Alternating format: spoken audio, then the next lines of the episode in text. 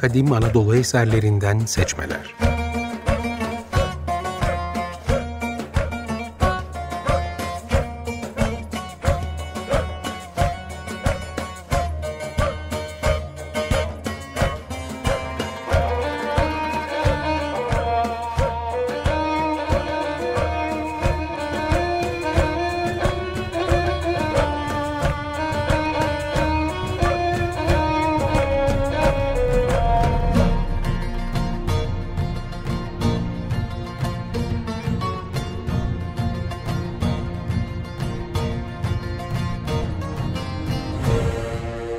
Hazırlayan ve sunan Haluk Mimaroğlu. Ben Haluk Mimaroğlu. Bu haftaki programımıza Halikarnaslı Herodot'un Herodot Tarihi adlı eseriyle devam ediyoruz. Eserin tanıtımına Azra Erhat'ın 1973'te samimiyetle dile getirdiği sözleriyle başlayalım. Yıllardır Herodotos'un iyi bir Türkçe çevirisini özler dururum. Ben kendim yapmaya ne vakit bulabildim ne de olanaklarımı yeterli gördüm. İçimde özlemin en ateşli olduğu bir anda dostum Müntekim Ökmen gitti, Bodrum'a yerleşti. Uzun bir çeviri yapmaya istekliydi. Müntekim Ökmen, Halikarnas balıkçısının hayranlarından ve vefalı dostlarındandır. Gökavı'nın karşısında Herodotos'un yurdunda Halikarnas balıkçısından aldığı esinlerle bu çeviriyi herkesten iyi yapabileceği kanısına vardım. Nitekim öyle oldu. Müntekim Ökmen'in çevirisi tam anlamıyla bir başarıdır. Bir roman kadar sürükleyici olduğu gibi Herodotos'un üslubunu ve eserinin içeriğini kusursuzca yansıtmaktadır. Bu çeviriyi okurlara candan salık veririm. Biz de Azra'nın bu heyecanıyla bu eseri dinleyicilerimize tanıtmaya çalışacağız. Eserin 46 adet el yazmasından 6 tanesi incelemeye değer bulunmuş. Bunlardan üçünün ve diğer ikisinin aynı eserler olduğu anlaşılınca kalan üç eserden yola çıkarak aslına ulaşılmaya çalışılmış. 1850'de Henrik Dietz tarafından derlenen İyonca metinler, 1972'de Henry Bergen tarafından Fransızcaya çevrilmiş. Bu eseri Müntekim Ökmen Türkçe'ye 1973'te aktarmış. Azra Erhat da İyonca aslıyla karşılaştırmış. Eser 9 kitaptan oluşuyor. Milattan önce 430'larda klasik Yunanca'nın İyonca lehçesiyle yazılmış. Yazılışından yüzyıllar sonra eseri derleyen İskenderiyeli yayıncılar kitaplara ilham perilerinin adını vermiş. İlk kitabın adı Clio'dur. Şairlerin ilham perisidir. Bu Halikarnassoslu Herodotos'un kamuya sunduğu araştırmadır diye söze başlar Bodrumlu Herodot. Herodot Halikarnaslıdır. Halikarnas Bodrum'dur. Karya'nın sahil kentidir. Karya, Büyük Menderes ile Dalaman Çayı arasında Muğla, Aydın, Denizli illerinin bulunduğu bölgedir. Bölge verimlidir. Sarp dağ tepelerinde ve yamaçlarında pek çok yerleşim vardır. Karyalılar Anadolu'nun yerli halkıdır. Diğer Anadolu dillerine benzer Karya dili ve Fenike benzeri Karya harfleri ile yazıları vardır. Başkentleri önce Milas, sonra Bodrum olmuştur. Denizcilikleri ileridir. Mısır ile ticari ve askeri ilişkileri vardır. Kadeş Savaşı'na Hititlere karşı Mısır safında katılan Karyalı paralı askerler Nil deltasına yerleşmişlerdir. Nitekim Karya dili, buralarda bulunan Mısır Karya dilindeki iki dilli mezar yazıtları aracılığıyla yeni yeni anlaşılmaktadır. Bodrum Müzesi'nde sergilenen milattan önce 1903'lere ait Uluburun gemisinden 10 ton bakır, bu bakırı bronza çevirmeye yarayan bir ton kalay, cam külçeler, reçine dolu kavanozlar, Mısır kraliyet armağanları, altın ve gümüş takılar, silah ve aletler, tartı ve ağırlıklar, besin maddeleri çıkmıştır. Bunlar bölgede binlerce senedir devam eden ticaret ve denizciliğin kanıtıdır. Ege'de altın zengini ilk parayı basan Lidyalılarla, Kibele'nin Midas'ın diyarında Friglerle, Orta Anadolu'da demiri keşfeden Hititlerle, Yakın Doğu'da Anadolu ile ticareti geliştirip yazıyı getiren Asurlularla, Mısır'da Firavunlarla ilişkileri vardır. İşte Herodot bu birikimlerle milattan önce 490'da doğdu. Karya'nın yerlisi ve saygın ailelerindendi. Bu ortamda yetişti. Ama yazdığı bu eser diğer Anadolu kaynaklı eserler gibi batılı tarihçiler tarafından bize ve dünyaya Yunanlı'nın yazdığı Yunan eseri olarak tanıtıldı. Yakın doğudaki binlerce yıllık kadim Babil, Sümer, Asur, Hitit ve diğer Anadolu medeniyetlerinden gelen esintilerden hiç söz edilmeden. Herodot doğduğunda Pers hakimiyetindeki Karya'da, Lidya'da, Frigya'da, Orta Anadolu'da hatta Trakya'daki muazzam Pers uygarlıklarının etkilerinden bahsedilmeden. Zaten Herodot da bunu sorgulamaktadır kitabında ve araştırmasının üç nedenini şöyle sıralar.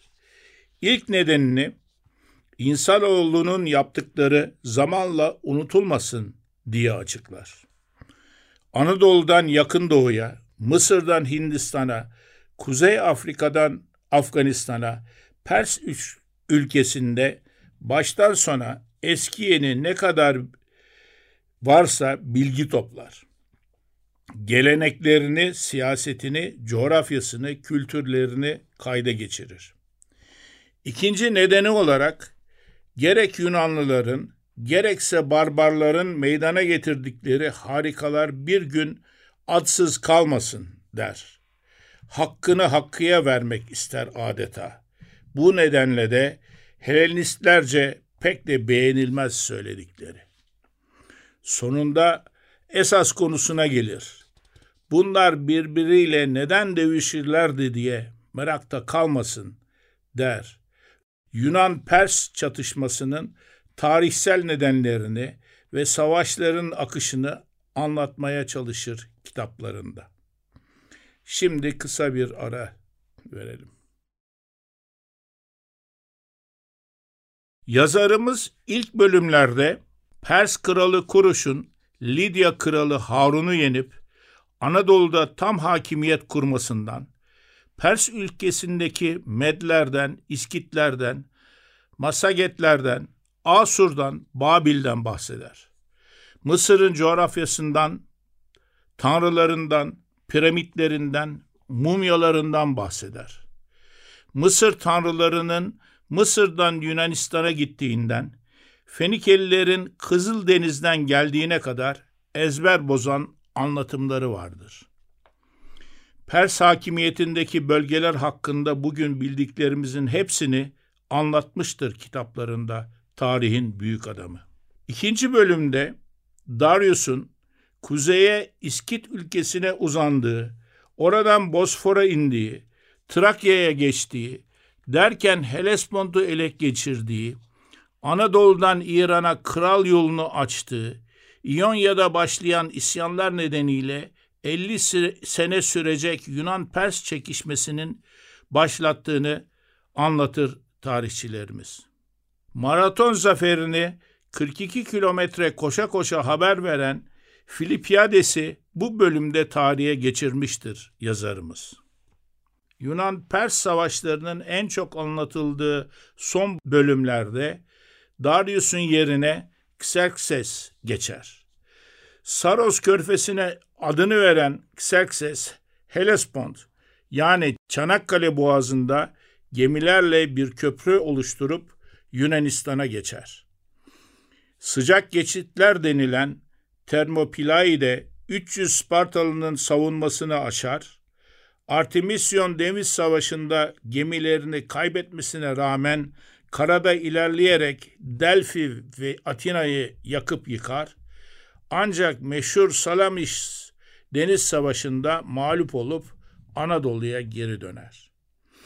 Ardında bıraktığı komutan Mardonius'un Plataia'da savaş meydanında ölmesiyle Persler dağılır ve kaçmaya başlar. Kitap Sestos Kalesi'nin Yunanlılar tarafından ele geçirilmesiyle sona erer.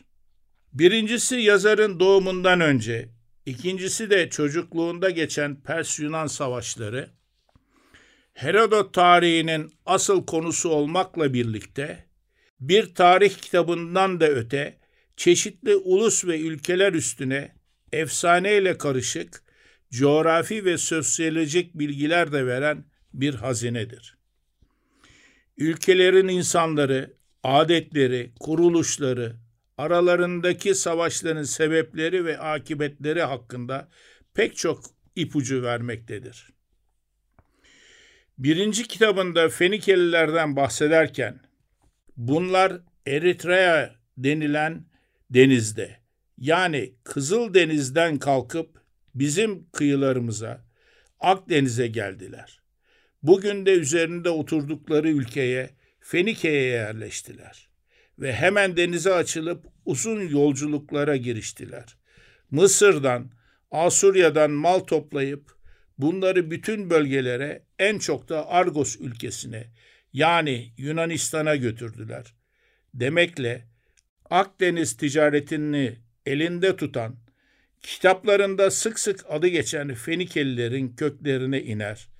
Adeta kimsenin değinmek istemediği başarılarının sırlarını açıklar. Biz de bu sözlerden yola çıkarak bu insanların aslında ezelden beri Mısır ile Hindistan arasında açık denizlerde yolculuk yapabilen, gemi yapımı ve ticareti iyi bilen, kadim medeniyetlerin insanları olduklarını anlar ve biraz da şaşırırız.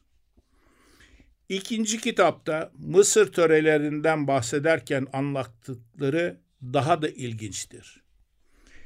Temizlik için sünnet olduklarını, rahiplerin gün aşırı tıraş olup günde dört sefer soğuk suyla yıkandıklarını, ek tek siyah kılı olmayan beyaz öküzleri kurban ettiklerini, kafaları yemeyip pazardaki Yunanlılara sattıklarını, Yunan bulamazlarsa dereye attıklarını, gövdesinin içini doldurup ateşte pişirirken orada bulunanların ölesiye dövündüklerini, domuzu temiz hayvan saymadıklarını, domuz çobanlarını hor gördüklerini, doğum gününü yılın bütün öteki günlerinden daha üstün saydıklarını, yemekte son olarak yemiş gibi şeyleri çok bol çıkardıklarını anlatırken günümüzdeki adetlerden bahseder adeta. Mısır tanrılarının çok eskilerden beri var olduğunu, Yunanlıların ise bunları Akdeniz'den gelip yerleşen Fenikelilerden ve karadan gelen Pelaslardan öğrendiklerini, Yunan kahinlerinin bile Fenikelilerin kaçırıp sattığı tapınak rahipleri olduğunu söyler ve kendine göre kanıtlarını sıralar. Ve sözüne Fenike'den devam eder.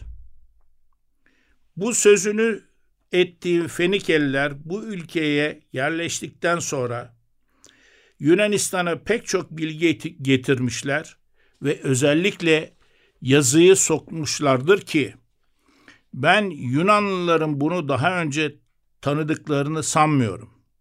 Başlangıçta bu bütün Fenike'de kullanılan harflerdi. Sonra zamanla bu işaretlerin okunuşları gibi biçimleri de değişmiştir. O zamanlar bunların çevresindeki ülkelerin çoğunda yaşayan İyonyalılardı. Bunlar Fenike alfabesini almışlar ve biraz değiştirerek kullanmışlardır. Ve Fenike yazısı adını korumakta sakınca görmemişlerdir. Zaten doğrusu da buydu. Çünkü bu harfleri Yunanistan'a Fenikeliler getirmişlerdi. Hatta İyonyalılar eski geleneğe uyarak bugün de papyrus'a yazılı kitaplara diftera ya da deriye yazılı kitap derler. Zira eskiden papyrus zarları az bulundan yazılar koyun ve keçi derisi üzerine yazılırdı der. Savaş sırasında güneş tutulacağını önceden bilen Thales'ten bahsederken de aslında damarlarında Fenike kanı akan Miletoslu Thales der. Ama nedense bunu geldiği ülkeden öğrendiğini söylemez. 1800'lerden beri tarihçilerin söylediği ve hepimizi inandırdıkları Yunanistan'da yeşeren medeniyetin Dor istilaları neticesinde Ege'ye, oradan Akdeniz'e, oradan bütün dünyaya yayıldığı söyleminin aksine medeniyetin buralardan gittiğini söyler tarihin babası bizim Bodrumlu Herodot bundan 2500 sene önce. Nitekim 1980'lerde Martin Bernal Black Athena adlı kitabında bu konuya değinerek medeniyetin Atina'ya Kuzey Afrika'dan gelmiş olabileceğini söyleyince büyük sansasyon yarattıysa da akademik camiada pek hoş karşılanmamıştı. Eleştirmenlere göre bu muhteşem eserde Herodot olaylar hakkında birkaç değişik alternatif sunmakta ve bunlardan hangisinin kendi fikrine daha olası olduğunu belirtmekle yetinir. Yunan ve Atina değerlerine bağlılığını sezdirmekle birlikte alo, olağanüstü bir hoşgörü ve tarafsızlık duygusuna sahiptir. Antik çağlardan itibaren tenkitlere uğramışsa da modern tarihçiler tarafından bu tenkitler kabul edilmemektedir. Biz de bu görüşlere katılarak yurdumuzun geçmişine ışık tutan, Anadolu'nun bağrından çıkan bu eseri dinleyicilerimize tavsiye ederiz. Programda adı geçen eserler hakkında ayrıntılı bilgilere program sayfamızdan ulaşabilir. Katkı ve isteklerinizi açıkradyo.com.tr vasıtasıyla bize iletebilirsiniz. Haftaya Egeli kadim dostlarımızın eserleriyle devam etmek üzere, hoşçakalın.